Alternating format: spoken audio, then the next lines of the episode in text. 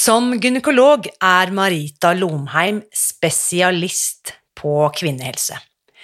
Etter at hun selv spiste seg fri fra overvekt og fedme, inspirerer hun nå pasientene sine til å gjøre det samme.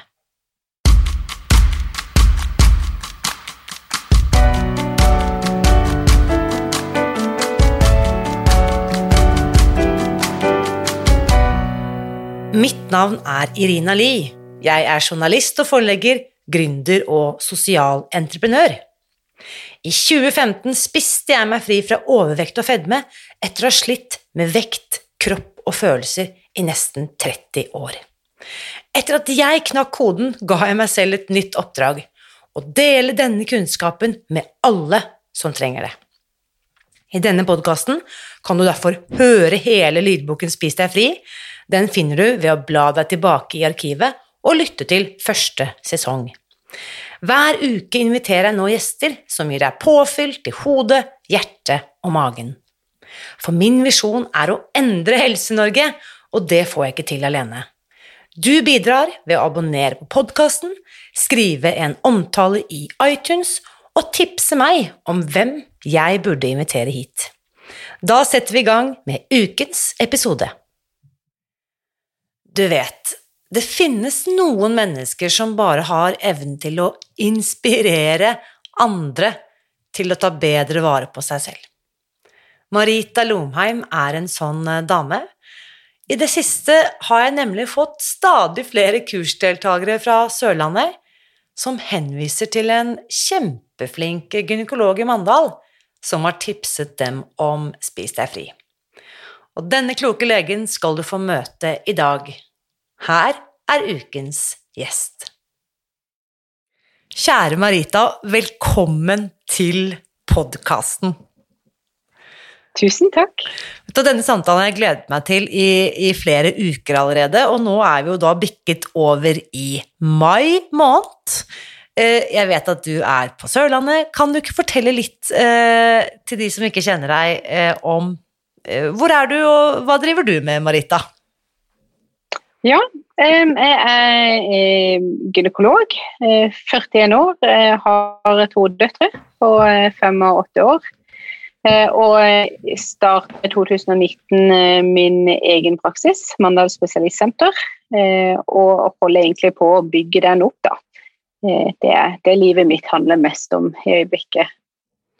Og da skjønner vi jo at du ikke bare er du lege, men du er spesialist da i eh, kvinnesykdom, eller spesialist i gynekologi er vel den kanskje korrekte betegnelsen? Fødsels, ja.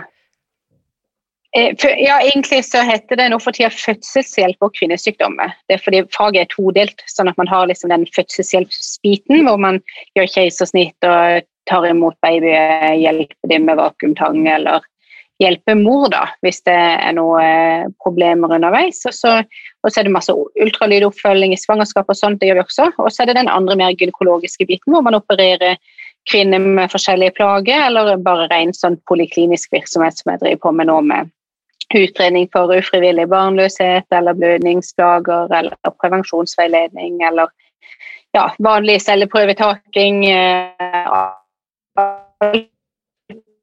alt mulig egentlig som angår de kvinnelige kjønnsorganene, da, kan du si. Så dette er seriøst liksom kjernen av kvinnehelse og reproduksjon, det kan vi trygt slå fast. Dette her er jo ja. det viktigste kvinnehelsefaget, for å si det sånn. Mm. Ja, det er egentlig det. Og man følger kvinnene fra de er i ja, ungdomsalder, vil jeg si, men altså, barnelegene har jo ansvaret for de minste, minste barna, ikke sant? men fra de begynner å menstruere, så blir vi av og til involvert. Og så, og så fram til de er altså, ja, gamle. Ordentlig gamle. Men det er veldig fint fag. Man får fulgt eh, kvinnen gjennom hele livet. Da, både gjennom alle livsfaser. Mm. Jeg hører bare at det er litt dårlig dekning på meg, så jeg skal bare trekke mitt kjære kjøkkenbord litt nærmere ja. ruteren. Vi må beklage uh, ulyd på podkasten, men sånn er det når vi sitter på hjemmekontor. Sånn, da tror jeg det er bedre. Ja. fordi uh, vi uh, Sånn er det her i virkeligheten, vet du, hverdagen. Men jeg må bare spørre da, er du da egentlig kirurg med videre spesialisering? Er det sånn det er? Eh, nei, det er ikke helt sånn. For eh, gynekologien er et kirurgisk fag, kan du si. Eh, så vi, så, vi, jobber også som kirurger, men på akkurat de dedikerte organene. Mens en eh, annen type kirurg jobber på andre organer. vi opererer ganske masse, vi også. Det er mange som ikke vet Eh, men, men, det er liksom ikke bare kirurgi vi driver med. Vi har ganske mye bredde og svangerskapsomsorg og, og ja, alt innenfor celleforandringer og masse sånne Det er veldig, veldig mange eh, forskjellige ting vi gjør, da. Så liksom kirurgien er en, en del av vårt fagfelt, mens for kirurgen så er jo kirurgien veldig mye større del av deres Nettopp. fagfelt, selv om de også gjør andre ting. Du, eh, Marita, jeg lurer på, jeg må bare stoppe din video. Jeg ser deg jo fordi at jeg hører at det er litt dårlig dekning. Jeg vet ikke om det er deg eller meg, men da bare gjør vi det. Eh, så jeg, vi får lyden din i hvert fall.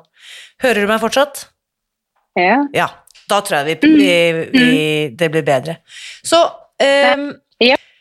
Det som jeg da Uh, Vi må jo også fortelle litt, for nå møtes jo du og jeg på Zoom. Dette er første gang vi møtes, men vi har jo snakket sammen på, på telefon tidligere og også meldt litt. Men fortell litt da eh, din interesse, eller din Hvordan ble du gjort oppmerksom på Spis deg fri? Hva var liksom din hva skal vi si uh, Hvordan hørte du om dette, uh, dette påfunnet, holdt jeg på å si? Ja.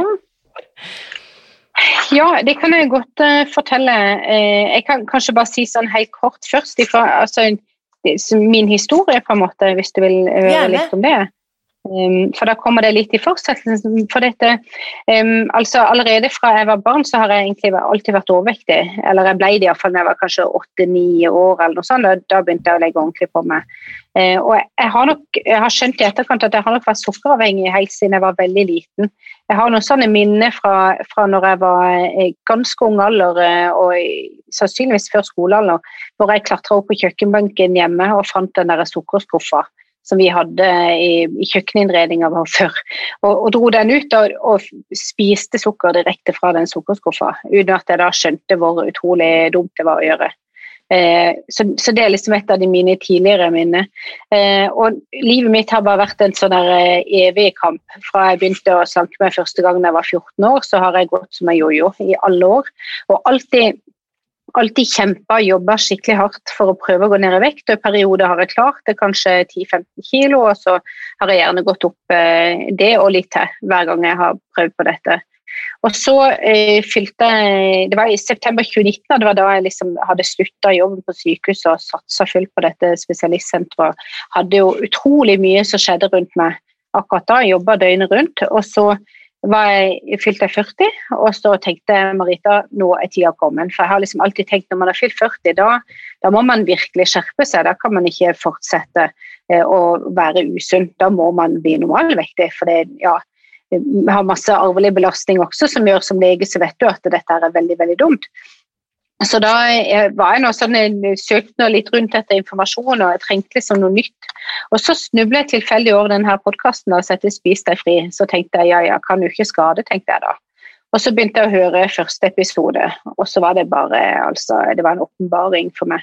Jeg, det er veldig vanskelig å beskrive de følelsene jeg kjente på når, når jeg, jeg begynte å høre på den, for det var på en måte sånn at Endelig!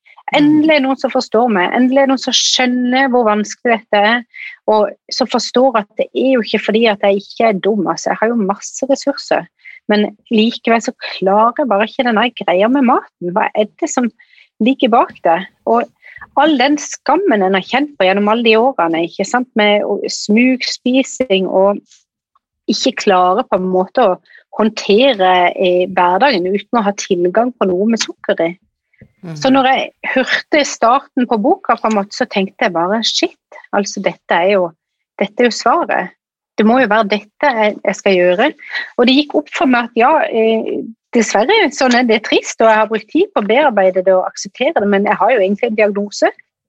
Jeg er sukkeravhengig, akkurat som en alkoholiker er alkoholavhengig. Eh, og når jeg klarte å ta det innover meg og akseptere det, så skjønte jeg òg at ok, men da er det ikke noe vei utenom. Da må jeg faktisk slutte med sukker. Det nytter jo ikke å si til en alkoholiker at du skal ta en liten eh, drink på lørdagen, og så skal du liksom klare det de andre dagene.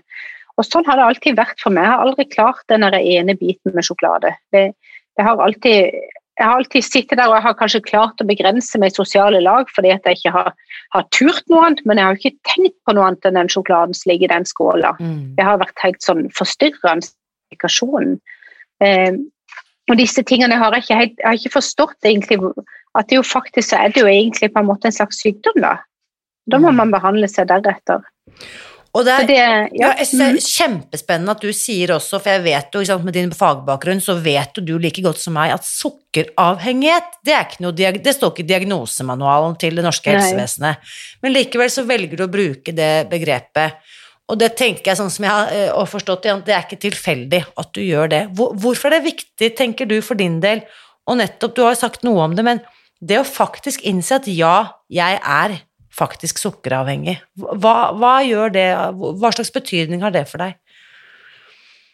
Nei, altså Det handler jo om at, at en, da plasserer en på en måte skylda litt utenfor sin egen personlighet, forstår du hva jeg mener? Mm. Altså, det, det, er på en måte noe jeg har blitt ramma av. Jeg har et eller annet i genene mine som gjør at sånn er situasjonen for meg. Mm. Og det er ikke min skyld mm. at det er det.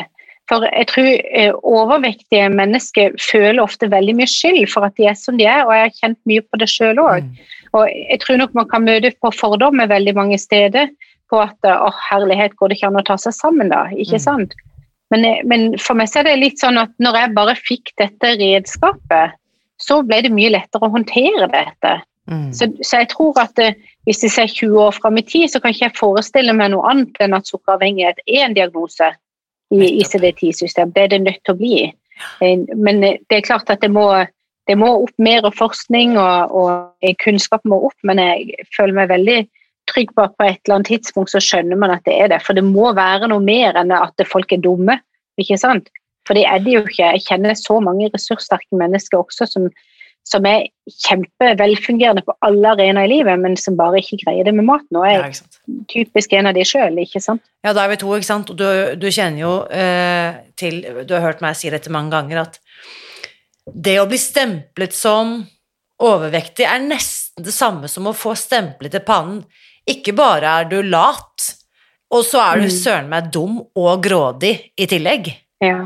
Mm. Uh, og da har vi krysset av liksom på Det er forferdelig. Da har vi krysset av liksom på hvert fall to av syv dødssynder, og liksom det bare står sånn liksom Ja, hun er en sånn som fråtser, for hun tar seg ikke sammen. Mm. Men når vi da ser, og jeg er helt enig, jeg er så glad for at du liksom setter så tydelige ord på det, at når jeg fikk forståelsen av hvordan dette henger sammen rent fysiologisk oppi hjernen, så kunne jeg jo ikke Altså, jeg, ja, på en måte kunne jeg skjønne at det var ikke meg det var noe galt med, men jeg fikk samtidig noen verktøy som gjorde at jeg kunne ta kontroll over det, eller ta ansvar for at sånn har jeg det. Mm. Og det, det, var det som også tiltalte meg så vanvittig mye med denne metoden. da, At, at du det handler ikke bare om at du må være sterk i viljen og, og klare å motstå det, for det skjønte jeg jo. Altså, det, man må jo da slutte med sukker, eller iallfall droppe det den ene dagen som man starter med. Men, eh, men eh, det å liksom få disse kognitive verktøyene som gjør at en, en kan um, gjøre litt lettere for seg sjøl, yes. det hjelper jo enormt mye. Og det var også veldig, veldig godt i starten, særlig. Så i september 2019, sier du. Um og så vet jo jeg av erfaring at noen hører dette dag eh, null, og så er de i gang dag én, typ. Mens andre mm. trenger kanskje én og to og tre og 365 dager før de på en måte tenker at ok, nå eh, må jeg ta grep. At motstanden hos enkelte er jo, hva skal jeg si, større, da. Eh, eller jeg er ikke mm. villig til å identifisere meg som sukkeravhengig. Dette er altfor radikalt, dette er ekstremt, dette går jeg ikke med på. Det må finnes en annen løsning. Og så går det kanskje litt mer tid, og så bare greit, jeg får gi det en sjanse. Jeg får teste. Hvordan var det for deg, Marita? Gikk du all in på, på dag én, liksom, eller brukte du tid på å prosessere denne nye kunnskapen? Ja, jeg, altså jeg var sånn Mentalt så var jeg ganske raskt klar, eh, men det jeg gjorde, var at jeg, jeg, jeg følte det var litt skummelt å ta det skrittet. Eh, og så har en gått på så utrolig mange smeller før at jeg var litt sånn jeg var rett og slett litt engstelig for nå skal jeg gjøre det igjen. og Denne gangen skal jeg endelig ha funnet løsninger, og så går det galt igjen. Sånn som det har vært mange ganger før. Så det jeg gjorde, var at jeg øvde meg litt i et par uker. Eh, hvor jeg bare tilberedte maten sånn som det var tenkt, bare for å se hvor mye mat er det egentlig. Og fikk liksom beroliga meg sjøl litt på at ja, jeg får faktisk nok mat. Og så hadde jeg noen sånne utskeielser her og der. Og så hadde jeg sånn siste måltid, da, som så mange har vært en uh, Husker jeg veldig godt for vi bestilte pizza og lessa innpå og var helt stappa. siste kvelden på en søndag da, før jeg starta på en mandag. Og det vet jeg jo, jeg bare tuller at man skal starte med en mandag, men det har alltid vært en bra dag å starte på. For meg, altså. Så, ja, ja. ja. Så da kutta jeg i sukker, mel og Pepsi Max. Eh, det var 2. oktober 2019. Det var liksom bare sånn Nå er det slutt. Ja. Og eh, jeg har ikke sett meg tilbake i forhold til noen av de tre. Jeg har nok hatt en munn med Pepsi Max i munnen, men bare for smaker som smaker. Og jeg syns det er helt motbydelig, da, så jeg kunne ikke tenke meg til å drikke det lenger. Og sukker og mel har jeg i grunnen ikke rørt, uten at det veldig liten andel av maten, sånn som vi kan, ikke sant, hvis det er mindre mm. Eh, ja, lenger ute enn tredje ingrediens. Så, eh, og det vet jeg også, for min del, jeg vet det er mange som kan tåle å spise mel eh, eller sukker av og til, men jeg er jo en sånn ti pluss på den her avhengighetsskalaen, sånn at jeg tør ikke, rett og slett. Jeg, jeg, orker ikke å gå tilbake igjen til sånn som det var. Det tror, jeg, det tror jeg er en veldig klok strategi, å være og rett og slett være litt redd for disse greiene, for det er ja. heftige rusmidler. Det kan jeg skrive under på. Det fanger meg, og det er samme jeg har i forhold til røyken, som det er nå, ikke sant. Eh, hva er det, 20 år siden jeg sluttet? Jeg går ikke nær den sigaretten, for jeg vet at tar jeg ett trekk, så er jeg godt i gang igjen, ass, før dagen er over. Ja. Så, nei, men mm. Spennende. Og som du vet, jeg startet i oktober 2015, eh, og det derre eh, Den der mentale forberedelsen, den det er skummelt, ass, for jeg skal jo gå ut i et farvann jeg aldri har vært uti før, og bare tanken på at ikke jeg skal spise ditt og datt, det gjorde meg litt skjelven, for å si det Og litt sånn sorgfull òg, for mm. dette hadde jo vært en ja. Dette hadde jo vært mine følgesvenner, den der sukkerskålen og eggedosisen, og jeg vet ikke hva jeg mikset sammen eh, rundt skolealder, holdt jeg på å si, hjemme alene på kjøkkenbenken. Altså, det er mye greier. Mm som eh, mange av oss sikkert kan huske tilbake til 80- og 90-tallet, hvor vi holdt på som verst, holdt jeg på å si, eller der det hele startet. Mm. Og dette var jo Jeg var jo 39 da når jeg startet i 2015, og det var en sorg, det var, en litt, det var redsel og et liksom ørlite håp. Kanskje det nå mm. skal være Dette høres jo liksom dette, dette er jo meg, det jeg hører, ikke sant? Uh, og så uh, husker jeg gikk en, uh, en, tur med en god venninne på dag fem, og da sa jeg til henne Og da hadde jeg ennå ikke gått ned, altså kanskje hadde jeg gått ned nå, men det var ikke det som var poenget. Jeg sa til henne nå har jeg funnet løsningen. Jeg var fortsatt like tjukk som jeg alltid hadde vært. Og hun og jeg har gått på Grete Rode-kurs sammen, og vi har gått på ditt og datt og holdt på med trening og løping og gudene vet. Men jeg sa til henne, jeg bare så på henne sånn dødsens alvorlig, så sa jeg, vet du hva, nå har jeg knokket koden. Nå har jeg funnet løsningen. Og, og jeg, jeg, tror ikke hun tok meg alvorlig, og hun skjønte i hvert fall ikke hva jeg sa, eh, men så nå, fem-seks år etterpå, så sier hun liksom Ok, du, du, var, du var, helt seriøs du på dag fem? Jeg bare Ja, det var jeg. så kult. Så, men hvilke resultater har vi Hva er det du liksom eh, Nå, ikke sant, ett og et halvt år etterpå, da, som vi nå er kommet til mai 2021, hvordan ser det ut da, Marita? Ja, altså jeg har jo ikke vært så veldig flink til å føre opp um, oversikt på vekt og sånn. Jeg har jo hatt det ekstremt hektisk med barn og jobb og alt dette. Så, men, jeg, men, jeg, vet at um, jeg gikk ned noen kilo før jeg starta med Spis deg fri. Så på mitt største så var jeg 103 kilo. Mm. Uh, og nå er jeg 72. Utrolig. Så jeg har gått ned over 30 kilo da. Mm. Fantastisk. Så, og noen, noen, få av de første kiloene var, var før spiste jeg fri, men når jeg starta opp, så tror jeg jeg, jeg telte opp noe sånn som at i løpet av de to første månedene, da gikk det ekstremt fort. Da tror jeg gikk ned kanskje sånn 16 kilo på to måneder eller noe sånt i den duren. Ja, så det var liksom et par kilo i uka. Var, man kunne liksom bare se at det bare rant av, men jeg kunne nesten ikke tro det. Mm. Du merka at huden under haka sånn, den ble helt sånn eh, dinglete. Man kunne virkelig liksom se at det hadde gått fort ned, men så det har stramma seg fint opp igjen. Eller iallfall i den grad som den gjør det. Så, så, så det har liksom ordna seg fint, da. Men eh, nei, det var helt Det var vanvittig, altså. Fantastisk. Det er så kult å høre. Og um, jeg hadde også tilsvarende erfaring. Jeg gikk jo ned 15 kilo i løpet av Altså frem til jul, så da snakker vi liksom to og en halv måned. Uh, og så gikk de siste fem. Uh, gikk tok tre måneder til. Så det hadde jo en sånn radikal mm. taktskifte. Eh, og da hadde jeg på en måte blitt bortskjemt mm. med både én og to kilo i uken, ikke sant? og så plutselig bare hæ? 0,4 opp! Ja. Ikke sant? Nå går det galt, men det gjorde ikke det. Det var bare kroppen som justerer. Eh, fantastisk å høre om. Og, og hvis, ikke sant? Nå vet ikke jeg hvor mye du monitorerer din egen helse, men har du noen sånne typ parametere på hva vet jeg, blodtrykk eller puls eller andre helsegevinster, bortsett fra vekt?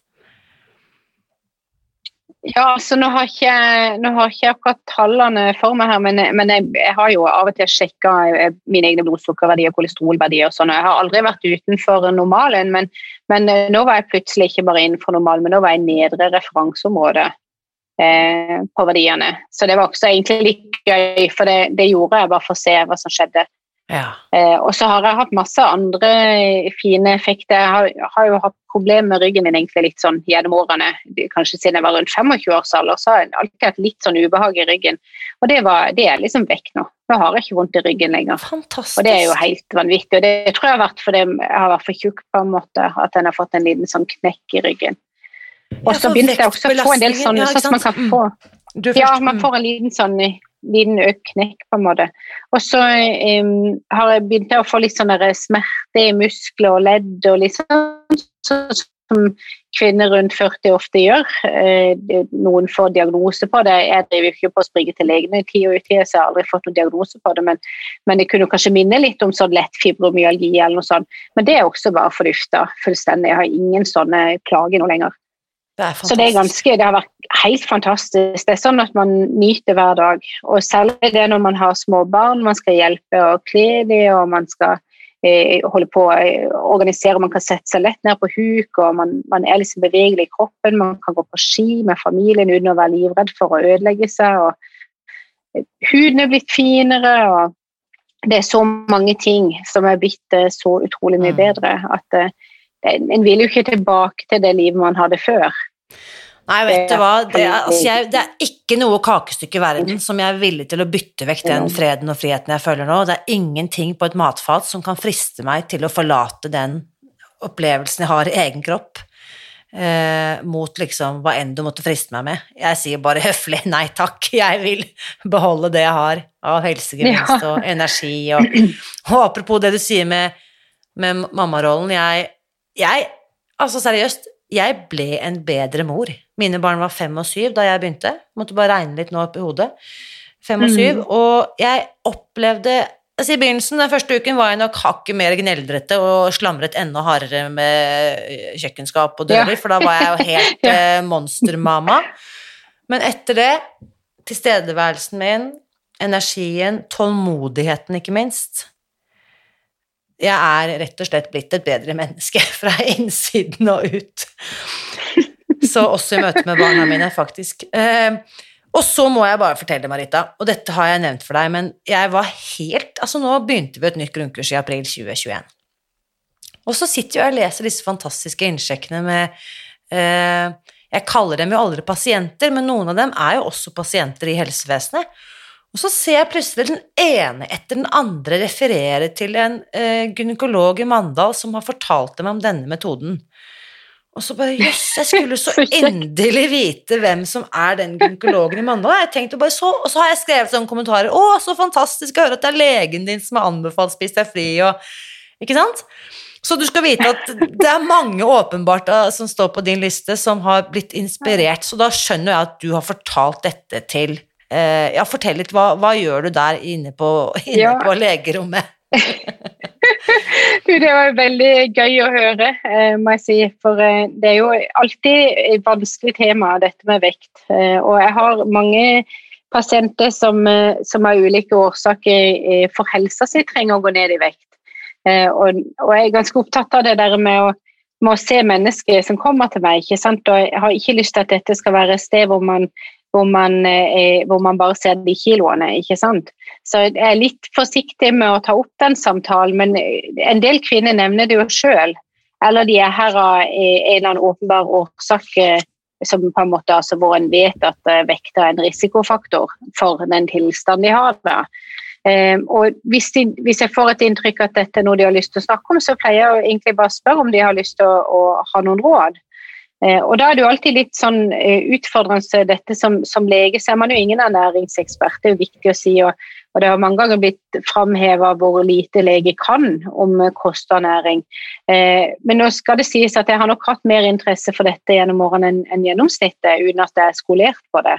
Eh, og med min egen erfaring òg, så lærer man jo ganske masse. Eh, men i og med at jeg sjøl har eh, hatt så utrolig god nytte av dette, så syns jeg på en måte det vil være etisk rett se feil av meg å ikke fortelle pasientene om det. For det der vanlige er jo liksom spise mindre, tren mer, og det vet vi jo alle at det fungerer ikke spesielt bra da, ut ifra de studiene vi har, iallfall. Så jeg, jeg har rett og slett valgt å å høre med pasientene hvor jeg tenker det er aktuelt, om det er noe de har lyst til å vite noe mer om. Og så har jeg bare fortalt dem litt om mine erfaringer. Eh, og det, jeg tror nok at mange kjenner, iallfall har mange gitt uttrykk for det, at de, at de føler at, det, at, jeg også forstår hva det handler om. ikke sant? Fordi mm. at jeg har vært der sjøl. Og da har man kanskje litt annen bagasje i, med seg inn i den samtalen enn man ellers hadde hatt da. Selv om det kanskje er litt litt sånn rart å dele med sin egen erfaring når man er i det lege-pasient-forholdet, men jeg syns akkurat i dette i tilfellet her, så er det litt rettferdiggjort. Fantastisk. Jeg blir, så, jeg blir så, glad når du mm. sier det, for jeg vet jo ikke sant, den, det er jo etiske retningslinjer, og det skal være et avstandsforhold. Det skal ikke være personlige vennskapsforhold men nødvendigvis mellom behandler og, og, pasient. Men det at disse pasientene, vil jeg tippe, og mange av dem har jo fulgt deg også, vil jeg tro, da, i over mange år, og har sett den forvandlingen du har gjennomgått. Mm foran deres egne øyne. Så det vil jeg ja, også tippe mm. har liksom gjort dem nysgjerrige, vil jeg tro. Så at du forteller Ja, det har mm. vært en del eh, Ja. Mm. mm. Ja, fortell. Absolutt. Ja, ja nei, det, det, har vært en del som jeg har eh, som jeg har, eh, som har kjent meg fra før, ja. Men så er det også mange nye. Nå, nå har jeg jo en ny praksis her i, i byen min, på en måte. Så, Selvfølgelig. Sånn at jeg har mange som jeg ikke kjenner også. Mm. Så, men eh, bare for å ta litt grann, dette med kvinnehelse. Eh, jeg husker min egen eh, gynekolog, eh, som dessverre har gått av med pensjon, men hun var en veldig klok og forstandig dame. Hun er det fortsatt. Hun da, jeg, jeg, snak, jeg, har jo snakket med henne eh, om des, disse greiene gjennom flere år, og det hun sier, er jo dette med fertilitet og overvekt. Hvordan mm. en liten gruppe pasienter faktisk blir og dette var hennes ord, jeg bare siterer henne som best jeg kan, dobbeltstraffet. Hvis du er så mm. uheldig å ha en BMI over 40, som mange kvinner har Du skal ikke så himla langt opp i vekt før du bikker 40 i BMI. Altså, du er jo synlig tjukk, for all del, men det er ikke sånn uh, du, du, du, fungerer normalt, og du kan ha fremstående jobber og sant, på alle mulige måter være velfungerende og være ved god helse. Men har du BMI over 40, mm og er infertil eller har problemer med å få barn, så får du faktisk ikke eh, infertilitetsbehandling fordi at du, har, du, er for tjukk, rett og slett. Og det har jo heller ikke I det offentlige. I det offentlige. Mm. Og du får heller ikke mm. noe ikke sant? De kan heller ikke gi deg på det offentlige noen god veiledning for å få deg ned i vekt. Så disse pasientene Nei. får verken hjelp til det ene eller det andre problemet. Så som, eh, som min mm. gynekolog da sa, disse pasientene eh, blir dobbeltstraffet. Mm. Hvilke tanker har du gjort om denne Og det er jo denne, utrolig trist Ja. ja. det er utrolig trist. Eh, og, og det, det syns jeg jo har vært en enorm glede i dette at jeg, nå har jeg faktisk noe å tilby til de damene. Mm. Ikke sant? For, for, det er jo det er jo så utrolig skambelagt det hele. altså Man har, sliter jo nok med det fra før. Og man liksom ikke skal få den der straffa at nei, du skal ikke få barn heller du fordi du er for tjukk. Mm. Det er jo kjempetøft. Men det er klart hvis en skal se det litt sånn strengt fra helsemessig ståsted, så er det jo en grunn til at det er sånn. Fordi at den store overvekten er jo, er jo eh, en risikofaktor for at det kan skje ting med både mor og barn under en fødsel osv. Så, så, så, så det er jo viktig å ta med. Men men samtidig så er det jo Vi må jo kunne tilby dem noe Eh, og da er det jo veldig trist eh, at en i noen tilfeller skal begynne å operere på friske kvinner Mm. for å komme til mål, sånn som noen gjør da, ikke sant? Ikke sant? Istedenfor å faktisk eh, gi de råd som fungerer. Så, så det har vært kjempespennende. Så jeg har tipsa mange av mine, mine eh, pasienter som sliter med det, men òg med andre tilstander. altså eh, Inkontinens f.eks. Så er jo det å ha en stor mage har masse å si, ikke sant? Hvis en lekker. urin. Det ikke. Eh, eller ja, eller eksempel altså bare det å få fremfall av, av blære og, og tarm og sånne ting, det, det påvirkes også. Eller så ser man jo at eh, veldig overvektige kvinner har jo større risiko for, for å få kreft i livmorhulen. Så det er jo masse sånne ting som følger med. Og det syns jeg er viktig. Nå, nå for tida er det jo mye en trend om å være glad i kroppen sin sånn som man er. Og det er jeg veldig enig i. Men samtidig så må vi ikke liksom helt miste av syne det at det er faktisk farlig å være for tjukk. Det er det. Eh, Og når man da har metoder som virker, så er det jo fint at man kan bruke de. Sånn som man nå har fått det gjennom dette konseptet. Mm. Jeg er så glad for at du faktisk også påpeker det der, for jeg ser rundt meg, sant? jeg bor midt i Oslo, og ser altså et påtagende antall unge kvinner, la oss si tidlig 20-årene, 20-årene, som går altså, og veldig de, de ser flotte og frodige ut, det er ikke det. Ehm, men jeg tenker at denne eh, på en måte ukritik, ukritiske kroppspositivismen har en del helseeffekter. Mm. Sånn som du snakker om også i forhold til fertilitet, kreft, eh, og nå, ikke sant, som jeg visste ikke det, da, men inkontinens og et, et ting du egentlig ikke har lyst til å pådra deg. Altså, det er ingen som ønsker Mm. Det er ingen som går rundt og drømmer om å, om å ha trøbbel i- nedentil. Og jeg skjønner jo dette er jo helt logisk. Hvis jeg har 30 kilo for mye rundt buken, så selvsagt så skaper det et eh, voldsomt press nedover mot organer Mm. og, og alt dette her. Men jeg må bare spørre um, Når du da Altså, overvekt i seg selv er jo forbundet med infertilitet. Men ser du da at pasienter som har ved hjelp av ulike metoder kommet ned i vekt og fått en lavere BMI, at fertiliteten da faktisk kommer tilbake? Det, dette gjelder jo spesielt de kvinnene som har en tilstand som heter PCOS, altså polycystisk ovarialt syndrom. Det, det er på en måte um, det er kvinner som har veldig mange egg på eggstokkene sine, og som strever med å slippe eggene. Og Der ser man at det, de kvinnene, når de går opp i vekt, så, så mister de eggløsningene sine. Eh, Og noen har eh, mensen veldig sjelden, kanskje en gang i året. Og da er det jo ikke lett å bli gravid, for eh, eggløsninga er vanligvis 14 dager før menstruasjonen kommer. Så, så, og da kan det være litt vanskelig da, hvis en lever et samliv og, og klarer å treffe og time det, sånn at man har samleie på riktig tidspunkt. ikke sant? Så for de damene så er det å gå ned i vekt vil, Jeg tror det er snakk om sånn 10% Hvis man går ned 10 så øker sjansen for at man får eggløsning ganske masse. Så der er det veldig, veldig synlig, altså. Mm. Det er det.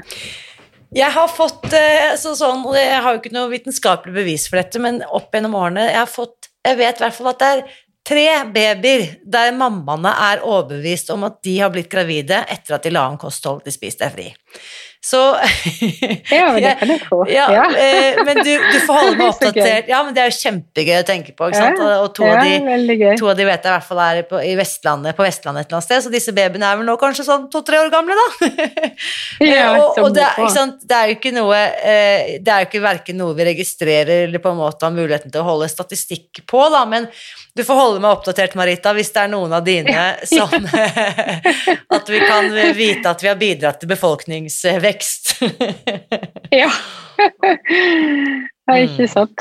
Mm. Nei, men jeg, eh, og jeg, det er bra. Også, jeg tror også at eh, En ting er hvis venninnen min forteller meg om en eller annen metode hun har funnet, eller lest om i et blad eller hørt på en podkast. Greit, jeg, jeg tar det med en klype salt. Men når du, som min kvinnelege, sier noe, så vet jo du og jeg at det legger jo jeg mye større vekt på. Dine anbefalinger, ikke sant? Mm. Eller dine, hva skal vi si Og når det i tillegg kan toppes med levd liv og egne erfaringer, så tenker jeg at dette bør jeg lytte til. Mm. Um, Mm. vi har jo snakket litt om det, ikke sant, at disse kvinnene, mange pasienter, bør kanskje i større grad fratas skyld for sin egen overvekt. Hva tenker Mm. du er det viktigste til de som hører dette, som ikke nødvendigvis er dine pasienter, da, men som er i Bodø eller eh, Stavanger eller eh, Melbo, liksom. Hva er det disse kvinnene som sliter med dårlig kvinnehelse grunnet vekt, hva er, hva er det du har lyst til å fortelle til de, disse damene? Nei, godt spørsmål.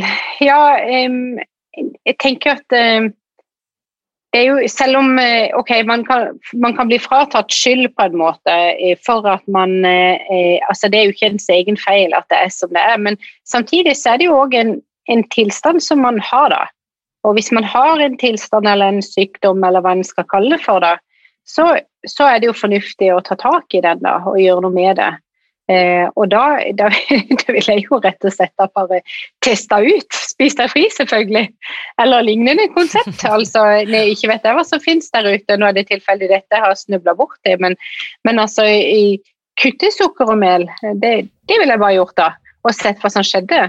For, eh, og det er jo så utrolig viktig det der med å ikke tenke for langt fram. Når jeg ordla meg i starten med at, at jeg skjønte at jeg måtte slutte med det, så var ikke det en avgjørelse jeg tok på det tidspunktet det var, det var man må jo gå gjennom en prosess hvor en på en måte innser og aksepterer eh, at det er sånn det er. Og jeg har fortsatt ikke eh, på en måte sagt eh, sikkert at jeg aldri mer skal spise sukker eller mel, men, men jeg velger å ikke gjøre det, iallfall i dag, da. Mm, For alle klarer klare en dag uten sukker og mel. Det er jo vanvittig viktig at man liksom tar de der små skrittene. Yes. Og, man, blir jo, man kan nok bli litt deppa når man sitter der og kanskje har 40 kilo for mye på kroppen. Så er det så masse man skal ned, at det vil jo føles helt uovervinnelig. Men, men jeg tenker man skal ikke tenke så mye på den vekta. Man skal bare, man skal bare følge planen, og så ta én dag av gangen. Og så går det egentlig plutselig veldig bra. Fantastisk, ja. Ja. Så plutselig er det 16 kilo på to måneder, som vi begge har Nemlig. erfaring med. Og jeg må jo da fortelle hvordan jeg plutselig koblet disse trådene, fordi for noen uker siden på podkasten, som sikkert flere har hørt, det var jo min samtale med eh, ikke fastlege, men lege under spesialisering, Heike, som eh, hun hadde fått en idé om at vi må lage et symposium for fastleger, eller for helsepersonell. Og så bestemte jeg meg, den ideen måtte vi bare hoppe på med en gang. Altså, noen ideer er for gode til å la passere. um, mm. Så vi har, øh, Heike og jeg, vi møtes, og, og, og Sarah Seidelin også, som er en av disse pionerene, uh, hun også, vi møtes jo nå uh, annenhver uke og planlegger videre på dette symposiet, som da skal finne sted 1. september 2021.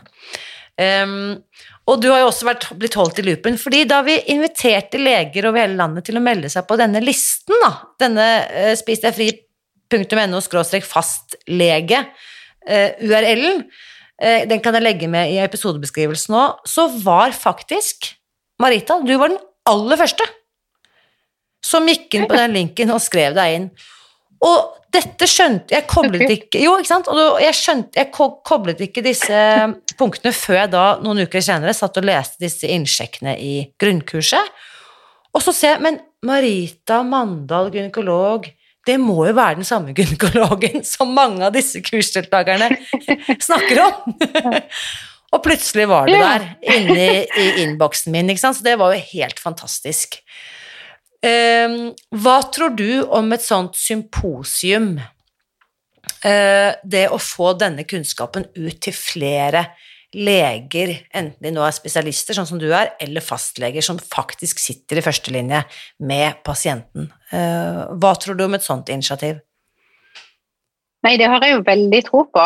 Eh, Jeg tenker det er jo en kjempebra type arena å treffe folkene på. Eh, Og så tror jeg det er veldig viktig at dere eh, prøver å få søkt om å få det godkjent som videreutdanning for leger. Yes, Det er helt det er essensielt, Mm. tenker jeg. Ja. Det- det- For får man det godkjent, så, så har man plutselig Da kan jo folk velge det. altså De må ta en del videreutdanning uansett. og og da er det jo veldig mye lettere å legge terskelen eh, lavt for å, for å delta. For det er klart at det, det der legelivet er ikke bare bare, det er utrolig hektisk. og Fastlegene har jo, eh, har jo gitt eh, ganske tydelige offentlige signaler om at de har for mye. Eh, Så jeg tror for de å delta på sånne ting eh, i veldig vanskelig. Jeg ser jo det for min egen del òg, altså. Eh, men for de sin del, hvis man vet at man kan få det godkjent som en del av videreutdanning, så, så er det jo ingen problem. Yes, og det er det vi jobber med. Eh, Legeforeningen har klare retningslinjer på hva som skal til for å få et sånt eh, fagseminar til å være Mm. tellende timer, som jeg har skjønt er begrepet, og det Ja. eh, kommer vi til å legge til rette for, så det, det er absolutt et mål. Og jeg har jo arrangert fagseminarer om Spis deg fri hvert eneste år, jeg, faktisk siden 2017. Eh, men det at vi nå kan få det på et nivå hvor Og dette blir jo virtuelt, da, siden vi fortsatt ikke vet hvilke retningslinjer som gjelder i september, så vi bestemte oss på et tidlig tidspunkt at vi kjører alt digitalt. Sånn at eh, fastleger eller helsepersonell over hele landet kan delta. Så det er også en eh, Det er jeg veldig glad for at vi får til, da. Så ja. Men jeg skal holde deg Det tror jeg jo er taktisk. Ja, Men det er veldig taktisk lurt uansett, for da kan man delta fra hvor som helst uten å ha noen reisekostnader. Ja, Så det tenker jeg er kjempebra. Mm. Eh, og for de som kjenner metoden og vet at det er jo doktor i psykologi Susan Pierce Thompson som har skrevet boken og drevet også siden 2015 forskningsarbeid på resultatene de har samlet inn blant sine eh, globale følgere, så skal hun også delta på denne konferansen og presentere de nyeste forskningsfunnene fra USA, da, så det også er jo kjempe, kjempespennende. Mm. Det blir kjempebra. Og, og så må jeg bare skynde meg å legge til at dette er jo ikke et Spis deg fri-seminar. Vi skal jo se på tematikken på dette symposiet, blir jo hvordan Altså hvilke verktøy har vi i møte med eh, kvinner med overvekt? Så vi har bestemt oss for å spisse tematikken inn mot kvinnehelse, fordi at eh, Ja, fordi at eh, de legene jeg har snakket med, det er det er noen forskjeller her, og det opplever jeg også. Både hvordan den tjukke kvinnen møtes, hvordan den tjukke kvinnen snakker til seg selv, hvilke helseutfordringer hun får. Du har jo vært inne på mange av dem, som er veldig kjønnsspesifikke. Så vi bryr oss om gutta òg, det er ikke det, men når vi forandrer kvinnehelsen, så forandrer vi også en hel familie, tenker jeg. Mm. Um, dette er kjempespennende, Marita, og bare Mm. vite at du er en kjempeviktig, tenker jeg, ambassadør for viktig eh, helse, og jeg er så glad for at du også ville være med her i dag. Um, i, i, er det noen andre ting på tampen som du tenker at det er viktig å, og at de som hører, får ta med seg eh, inn i dagen sin? Eh, ja, kanskje, men det var, en, det var en annen ting òg, hvis jeg får lov til Ja, å foreslå det. Et, Ja. et forslag egentlig jeg tenkte jeg skulle komme. For eh, jeg fikk jo fire sånne informasjonsbrosjyrer der i posten, Ja. og de varte jo ikke lenge. Eh, og jeg kunne, altså jeg driver på og skriver på sånne små lapper da, til alle pasientene mine når jeg skal tipse dem. Men jeg kunne godt tenkt meg til hvis det hadde gått an å lagt ut et eller annet PDF-dokument eller sånn, som man bare egentlig kunne printe ut, et enkelt av fire ark med litt informasjon. Det hadde vært eh, veldig kjekt, for da kunne man ha delt det videre òg, Yes. sånn at eh, andre kunne finne det. Så det vil jeg foreslå. Vet du hva, jeg noterer her nå med begge hender eh, lage en nedlastbar PDF, og så eh, til ikke sant, de som hørte det du sa om disse heftene, der har vi trykket opp hefter som vi sender ut til legepersonell, eller helsepersonell som jobber med, med disse pasientene, så eh, det får man da gratis tilsendt eh, hvis man går inn på den spisdegfri.no fastlege. Jeg sender deg gjerne også noen flere av Mm. de, Marita. Jeg gjør det. Eh, nei, men det er, det er, altså, dette her er så genialt. Når jeg snakker med kloke mennesker, så får jeg alltid gode forslag til hvordan eh, vi kan forbedre denne kollektive kunnskapsdelingen, som jeg er utrolig opptatt av. Så det, er, det var et godt tips. Takk. Men da vil, jeg bare si- ja, og da vil jeg bare si tusen takk for eh, praten, og takk for det veldig viktige arbeidet du gjør. Jo, tusen takk i like måte. Det, det jo, du skal virkelig ha kred for å ha brakt dette til Norge. Det betyr eh, veldig masse for veldig mange mennesker der ute. Jeg hadde jo aldri funnet ut av dette hvis ikke det var for deg, så takk til deg. Ja. Tusen takk, Marita. Hvis du som hører dette er fastlege, gynekolog eller eh, helsepersonell som jobber med pasienter med overvekt og fedme, kan du altså melde deg på denne listen vår for eh, fastleger. da sender jeg deg en bunke med gratis informasjonshefter om Spis deg fri, som du kan dele ut eh, til pasientene. Og det gjør du ved å gå til nettsiden vår på www.spisdegfri.no skråstrek fastlege. Og i dette infoheftet, der kan altså pasientene lese først eh, de første kapitlene av boken Spis deg fri, helt gratis. Og så har vi bakerst i dette heftet lagt ved noen enkle oppskrifter til eh, frokost, lunsj og middag som gjør at de enkelt kan komme i gang. Og så må jeg bare legge til, jeg vet at det er strenge regler for hva slags samarbeidsavtaler helsepersonell har lov til å inngå, så jeg vil bare understreke at du som lege ikke forplikter deg til noe som helst ved å motta disse heftene. For mitt ønske er eh, at hvis du som lege eller helsepersonell enten selv har gode erfaringer med Spis deg fri, eller kanskje du har møtt eh, pasienter eller kolleger som selv har hatt god effekt av denne metoden, så ønsker jeg at du får muligheten til å dele denne kunnskapen videre med, med flere som trenger det. Og det gjør du altså ved å registrere deg på www.spisdegfri.no fastlege. Og så må jeg også legge til at det er mange pasienter som har tatt kontakt etter at vi lanserte denne listen tidligere i vår, som sier at de gjerne vil ta med disse informasjonsheftene til sine egne fastleger.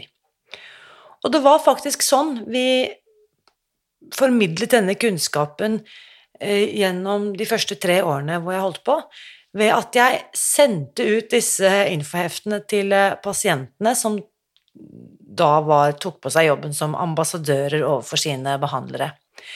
Problemet med den strategien var at da fikk jo ikke jeg noen oversikt over hvem disse legene var, og jeg hørte faktisk heller aldri noe fra dem. Så hvis du er eh, engasjert eh, pasient og har lyst til å bringe budskapet videre, så vil jeg absolutt veldig gjerne at du forteller legen din om hva denne metoden har gjort for deg, og så kan du jo oppmuntre han eller henne til å registrere seg på vår eh, legeliste, så skal jeg sørge for å sende disse infoheftene rett inn på legekontoret. Og skjemaet ligger altså på spisdegfri.no fastlege. Og de som har fulgt med i podkasten gjennom denne våren, har sikkert også fått med seg at vi er i gang med å planlegge et storstilt digitalt symposium som skal finne sted 1 september 2021. Det er en onsdag. Og dette symposiet arrangerer jeg da i samarbeid med en liten gruppe engasjerte leger, og vi legger opp til at uh, dette skal bli et uh, fagsymposium som kan inngå som en del av etterutdanningen for uh, leger. Det vil si at man får såkalte tellende timer når man deltar. Og temaet blir hvilke verktøy vi har for å behandle overvekt hos eh, kvinner. Og symposiet skal selvsagt handle om veldig mye mer enn bare spis deg fri. Eh, og noen av landets fremste eksperter kommer til å oppdatere hverandre og deltakerne da på det fremste og det nyeste innen forskningen på dette feltet. Som da også kommer til å inkludere erfaringer fra de som primært jobber med medikamentell behandling av denne pasientgruppen, og også fedmekirurgi. Så jeg tror dette blir et veldig spennende fagseminar, for det skjer mye på dette feltet om dagen, det er helt sikkert. Og så er jeg jo da også spesielt glad for eh, og veldig stolt av at doktor i psykologi Susan Pearce Thompson, som har skrevet eh, boken eh, Spis deg fri, hun har bekreftet at hun kommer også til å delta og dele de siste og nyeste forskningsresultatene fra Brightline Eating i USA. Um, og så vet jeg jo, ikke sant, Dette er jo da primært et fagsymposium som kun er åpen for helsepersonell. Og hvis du vil at jeg skal holde deg oppdatert om det, eh, og er lege, da, så kan du da også registrere deg på denne legelisten vår. Så sender jeg ut litt uh, oppdatert informasjon om dette symposiet også. Uh, frem mot september. Og adressen er altså spisdegfri.no fastlege. Og hvis du eh, bare har lyst til å gi oss en tilbakemelding etter denne samtalen eh, min med Marita i dag, så vil jeg at du uansett blir med inn i den åpne Facebook-gruppen Spis deg fri, og deler dine tanker, innspill og kommentarer eh, om det du har hørt. Og det gleder jeg meg til å lese. Husk også, uansett hva du gjør for å ta bedre vare på din egen eller andres helse, så vit at jeg heier på deg. Alltid.